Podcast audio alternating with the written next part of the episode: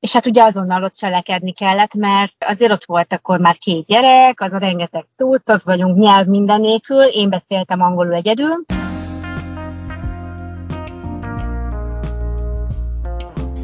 Ez a Kalandvágyból külföldre podcast. Én Dóra vagyok a műsor házigazdája.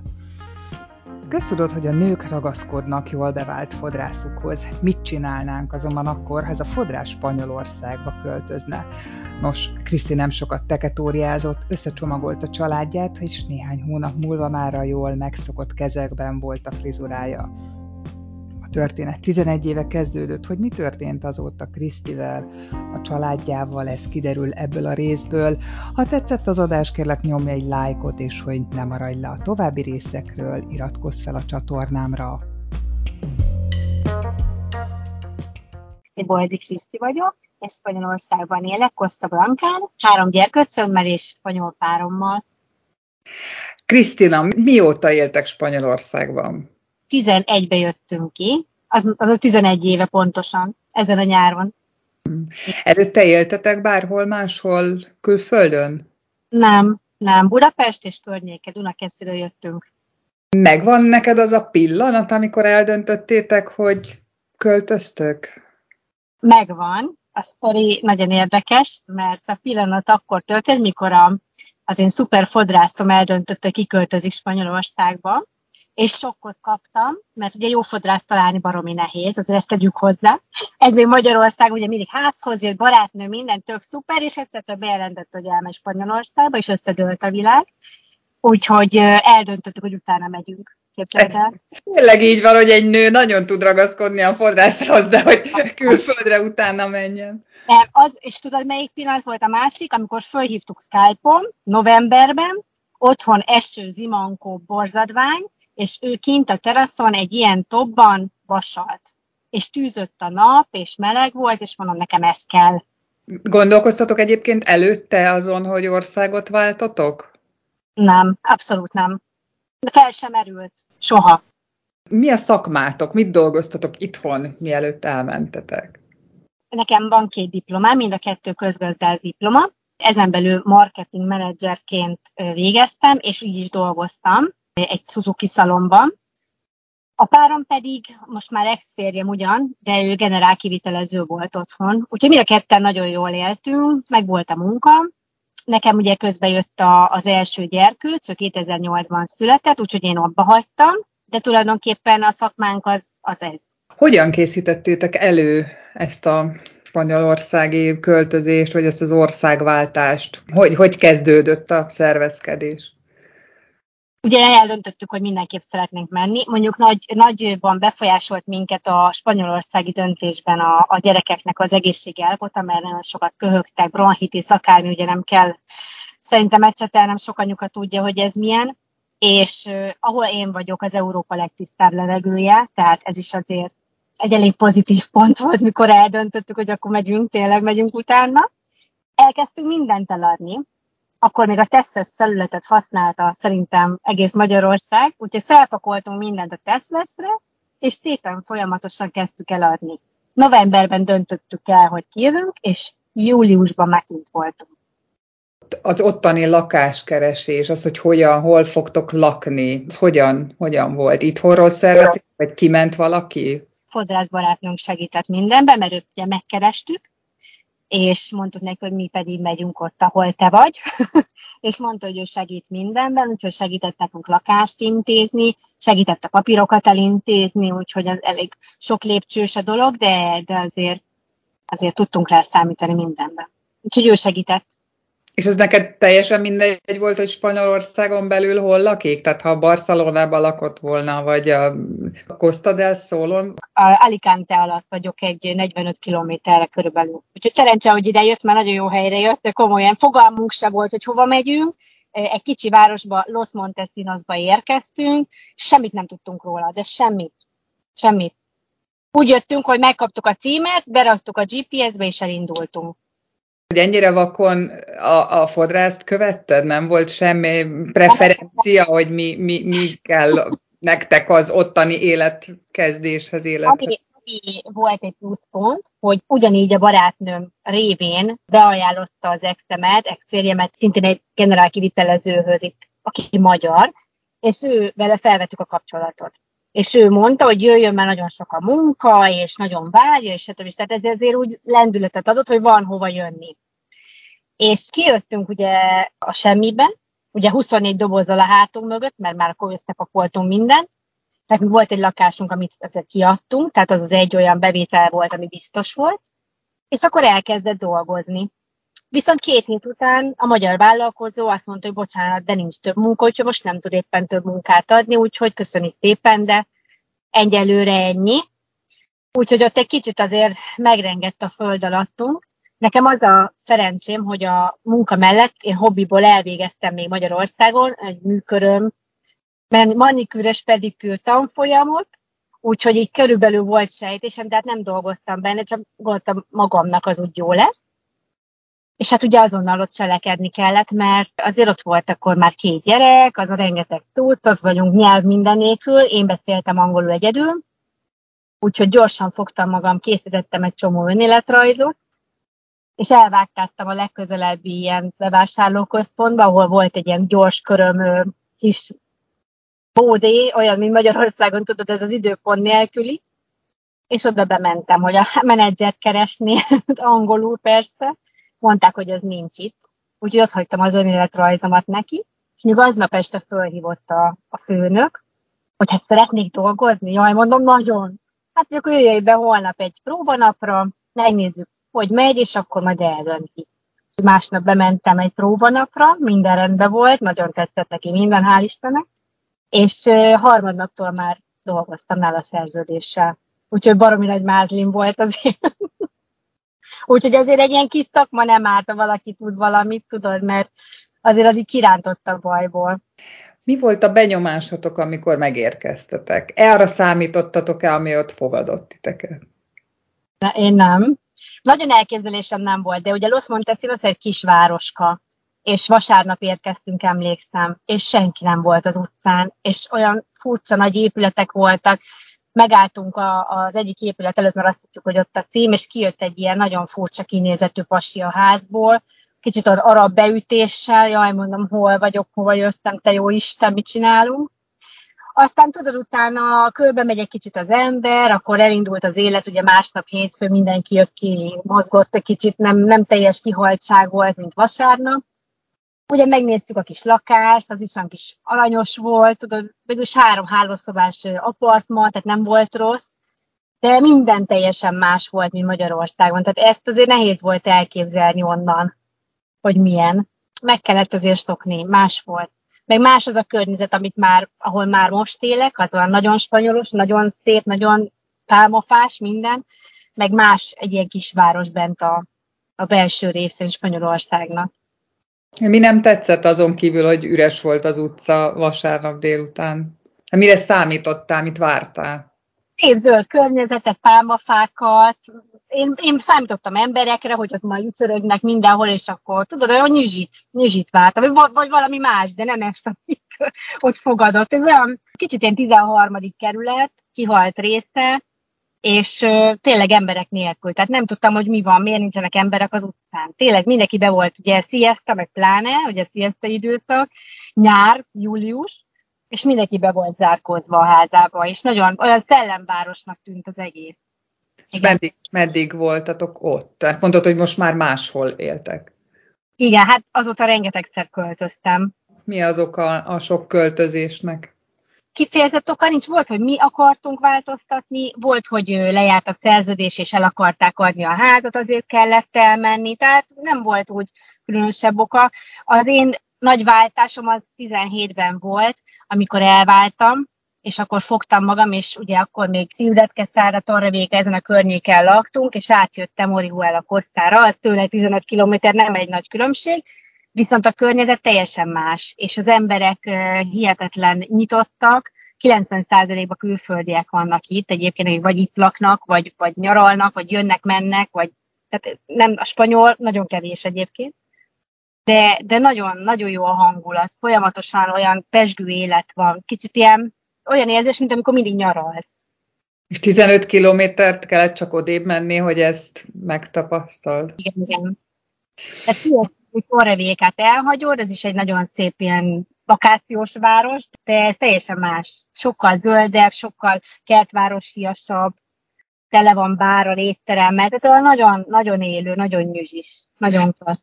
És a fodrászoddal együtt mozogtok? a fodrász azóta is ott van Los Montesinosba. Az exet kint maradt? Kint, kint, igen, igen, ő, ő Torrevékában lakik, ő is maradt. Hát a gyerekek miatt főleg.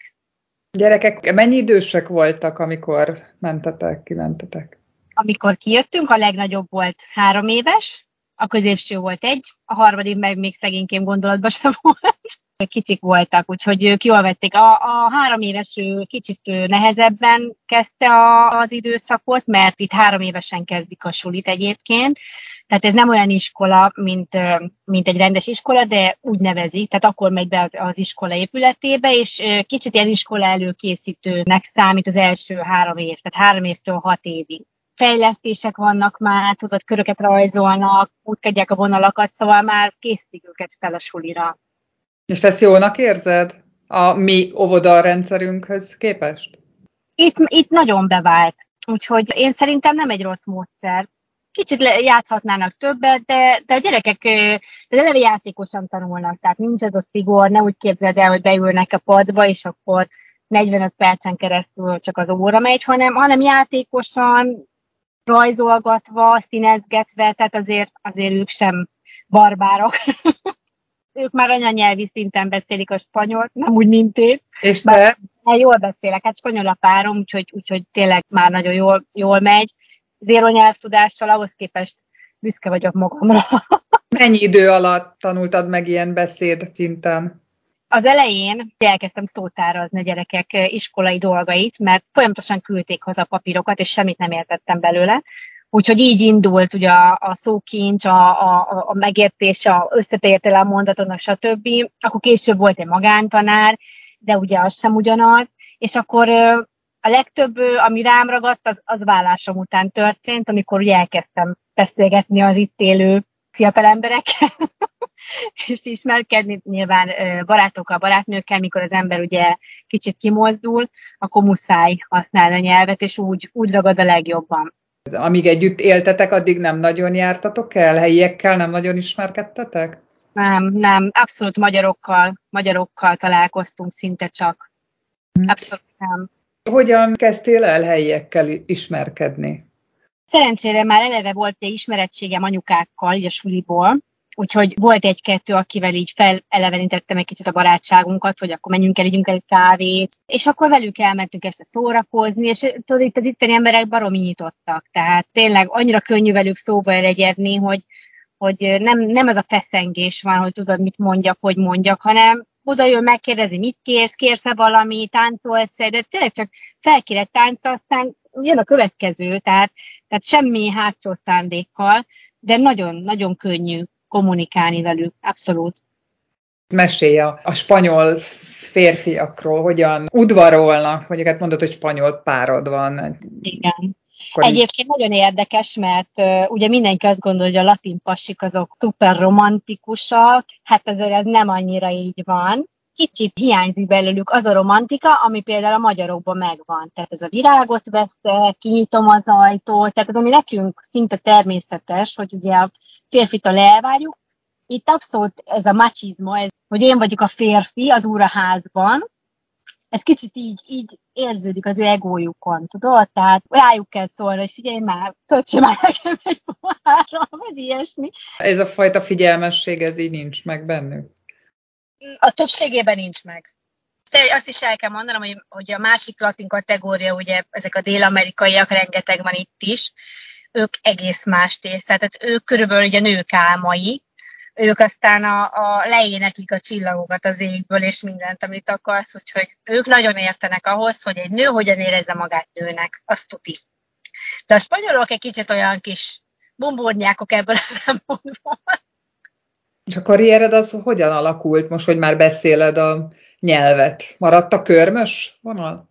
Nem, nem, a körmözés azt viszonylag utána hamarabb hagytam, mert képzel, nagyon érdekes, elmentem takarítani házakat, volt egy étterem is, amit takarítottam, tehát én mindent elvállaltam, meg nem érdekelt, és elmentem egy hatalmas nagy házba, szintén a fodrász ismerősöm ajánlására, egy szlovák családhoz takarítani. És annyira összebarátkoztam a feleséggel, hogy ugye elkezdtem neki körmöt csinálni, aztán utána pedikűr neki és a férjének. És teljesen összebarátkoztunk, és áthívtak minket egy vasárnap, azt hiszem, nem is tudom, valami születésnap, vagy valami volt, ami miatt átmentünk, és akkor kicsit ott szóba elegyedtünk jobban a magánéletről is, meg mindenről, és kiderült, hogy a, a férfi ő mobil telefonokkal foglalkozik, és addig-addig beszélgettünk, már barátkoztunk, amíg az ex-férmnek fölajánlott egy munkát, mint beszerző, interneten, Skype-on keresztül kellett dolgozni, és, és ezt kezdtük el együtt csinálni, úgyhogy teljesen átalakult az életem. Még jártam hozzájuk utána takarítani, de 2015-ig neki dolgoztunk. 2015 után az Expedien folytattam, én pedig elkezdtem ingatlanozni egy itteni magyar ö, csapattal, úgyhogy ott tanultam meg végül is mindent, ami az ingatlannal kapcsolatos. Ingatlan, ügyintézés, minden, minden, ami, ami a Spanyolországhoz tartozik, és szintén ők is magyarokkal dolgoztak és 19-től vagyok teljesen egyedül már ebben a témában. És én ebből élek. Magyaroknak adsz el ingatlant? Igen, mert tudod, az, az igazság, tehát én inkább ingatlan kócsnak mondom magam, azért, mert én a, a összes ügyfelemmel nagyon jóba vagyok, megismerjük egymást, és főleg az a fontos, hogy én megismerjem őket, mert azáltal tudom megtalálni nekik azt, amit ők igazán szeretnének. Tehát mindenki más célból akar vásárolni, más a, a pénztárcájának a mércéje, tehát, tehát mindenkinek más a körülménye, és én, és én ehhez igazodom maximálisan. Tehát abszolút meg tudom találni nekik azt a lakást, vagy, vagy területet, vagy, vagy környezetet, amit ők keresnek, amilyen célból keresik. Úgyhogy én azért a magyarokra vagyok rá specializálódva, főleg azért, mert ugye én végigmentem az egész úton, a legaljától, és pontosan tudom, hogy mi minden buktató van, meg, meg mennyi minden van, amire oda kell figyelni, és ez is sokkal jobban megkönnyíti a helyzetet, ahogy nekem is megkönnyítette annak idején az én barátnőm. Nem tudom, hogy a magyarországi árakkal mennyire vagy tisztában, de össze tudnád hasonlítani az ottani ingatlan árakat, mondjuk a budapesti ingatlan árakkal? Pont most múlt héten adtam el egy ingatlan 70 ezer euróért. Az ingatlanban volt kettő szoba, közösségi medencével, tehát gyönyörű szép medencével, és 5 perc a tengerparttól. Szóval 8 millió forint. Úgyhogy azt gondolom, hogy itt sokkal olcsóbbak az árak. Sokkal olcsóbbak, mint Magyarországon. Ugye összehasonlítva, hogy nekem fontosabb az, hogy milyen a környezet, tehát Budapest-Budapest természetes, viszont azért itt csak egy gyönyörű tengerpart van a szomszédban, csak gyönyörű tiszta levegő, úgyhogy én nekem sokkal többet ér, hogy hol van az az ingatlan. De ez ilyen beköltözhető azonnal? Azonnal bútorra, a tévével, a hűtővel, mindennel, teljesen felszerelt. Úgyhogy nagyon jó árakon lehet találni. Jó fejek a helyi spanyolok? Nagyon nyitottak, tényleg nagyon sokat nevetgélek rajta. Van egy reggeliző helyünk, ahova bejárunk. Tipikusan spanyol tapaszokat lehet reggelizni, vagy 10 ízni, ami persze 11-kor tömve van, mert mindenki 10 óra ízik, akármit dolgozik, akár festő, akár irodai munkás, jön és 10 órai van és mindenki úgy beszélget a másikkal, mintha ezer éves ismerős lenne. Tehát fantasztikusan nyitottak, tényleg imádom őket, hogy annyira barátságosak, hogy összehasonlíthatatlan. Azért én emlékszem, Magyarországra nem volt ilyen soha. Sajnos. Miben változtál? Fel tudod még azt idézni, hogy milyen volt a budapesti Krisztina, és milyen most? Az az igazság, hogy én mindig ilyen voltam, mint most, csak nem tudtam kibontakozni. Mert mindig falakba ütköztem, nagyon sok undok emberrel találkoztam, akit nem értette, hogy mit vigyorgok, miért mosolygok, mi, mi, mi, mi, biztos akarok valamit. Jaj, mondom, hogy jó kedvem van, semmi bajom. Úgyhogy én, én ilyen voltam mindig, de itt, itt igazán én tudok lenni. Ott vissza kellett fognom magam, és ott disztingválni kellett, mert ott csúnyán néztek rám, hogyha ha aranyos voltam. Jársz haza? Egyszer-kétszer az évben megyünk haza egy-egy hétre. Nekem otthon van apukám, vannak unokatestvérek, úgyhogy megyünk haza. Most például a nagyfia Magyarországon van egész nyáron, úgyhogy őt hazaküldtem. hát küldeni nagyon nem kellett, mert imádja Magyarországot ő, az összes erdő és tó és minden az ő szerelme, úgyhogy ő szívesen ment. Úgyhogy szeptember 3-án jön most már vissza. Mit tapasztalsz, amikor hazajössz? Látod-e, jobban látod-e a különbséget, hogy milyenek? Igen, abszolút. Abszolút érzem a, ezt a merevséget, ezt a morcosságot, valahogy olyan, mintha mindig rossz kedvűek lennének. Tehát azt látom az arcukon, hogy olyan be vannak savanyodva, nem tudom miért. Az ember próbál kedves lenni, néha, néha talán viszonozza, néha meg én érzem magam kellemetlenül, főleg mikor innen elmegyek, abszolút lehet látni a különbséget. Tudod, mit éreztem? Én otthon ezt a zsizsgést, tehát például én a Szentendrű út és környékén közlekedtem, és úgy nyomtak engem onnan le, hogy komolyan mondom, pánikolva mentem a külső sávba, mert mondom, hogy nekem végem van, hogyha nem megyek arrébb és ez itt abszolút nincs. Tehát mondjuk én nem nagy városban lakom, de azért van forgalom, és közlekedünk kétszer kétsávos út, akármi, és annyira nyugodtak az emberek, hogy, hogy nagyon. Tehát nem ez a őrültek háza van, az biztos, mint otthon. Mi az, amit nehéz megszokni ott, vagy amivel úgy nem vagy megbékélve? Van-e ilyen? Mindennel meg vagyok békélve nagyon furcsa volt az elején ez a borzasztó lassú, nyugodt tempó. Tehát, ha valamit el akar intézni az ember, akkor no stressz, nincs idegeskedés, az úgyis el lesz intézve, de jövő héten jön vissza az, aki ezzel foglalkozik, mert éppen nyaral, vagy például bemész a bankba, és áll a sor, simán kimegy a, a pénztárból az ember, mert neki kávé ideje van 10 órakor, úgyhogy ezek, ezek olyan dolgok, amihez ő neki joga van, és ő igenis neki ezt meg kell ez, ez, ez, ez kérd, megkérdőjelezhetetlen, hogy ő kimenjen kávézni, majd vártok kategória, és várnak.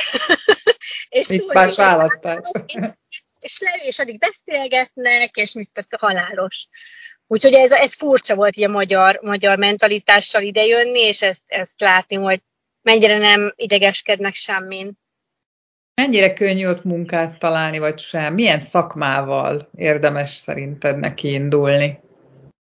Ez a rész, ahol én vagyok, maximális a vendéglátóipar minden, minden területe, a, a, a bárok, az éttermek, folyamatosan keresnek egyébként munkaerőt, tehát még most is látom csoportokban olyan bárok, amiket én is ismerek, tehát tudom, hogy tényleg szükség van még pincérre, vagy a konyhai kisegítő, vagy bármi, az, az itt, itt dübörög, tehát minden, ami ezzel kapcsolatos.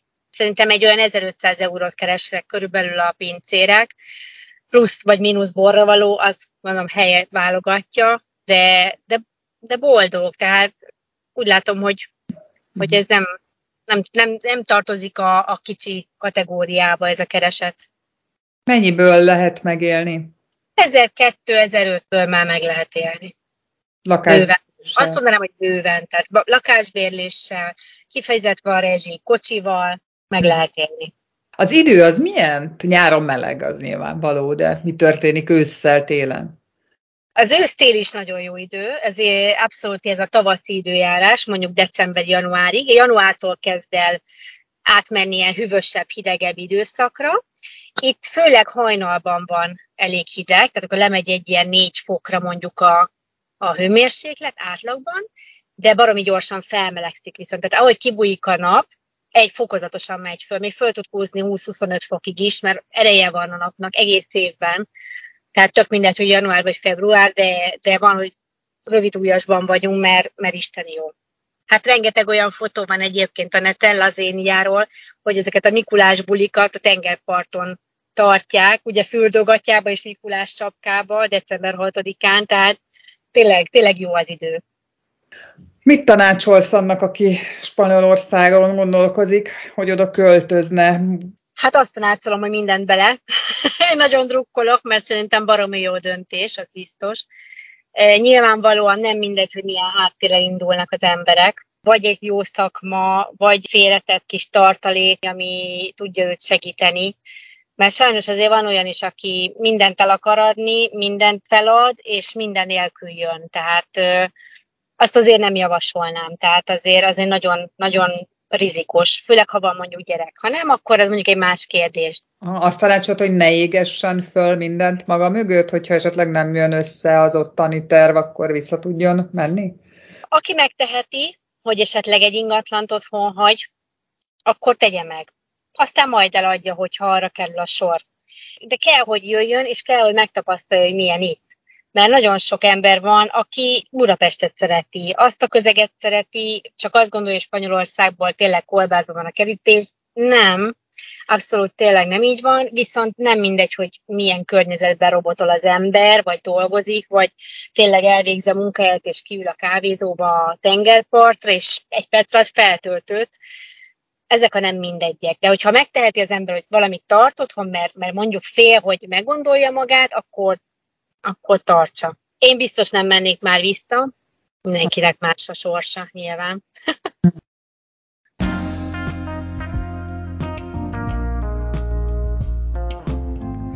Remélem, hogy tetszett az adás. Ha nem szeretnél lemaradni a következő epizódokról, érdemes feliratkozni a csatornára. Találkozunk a következő részben jövő szerdán.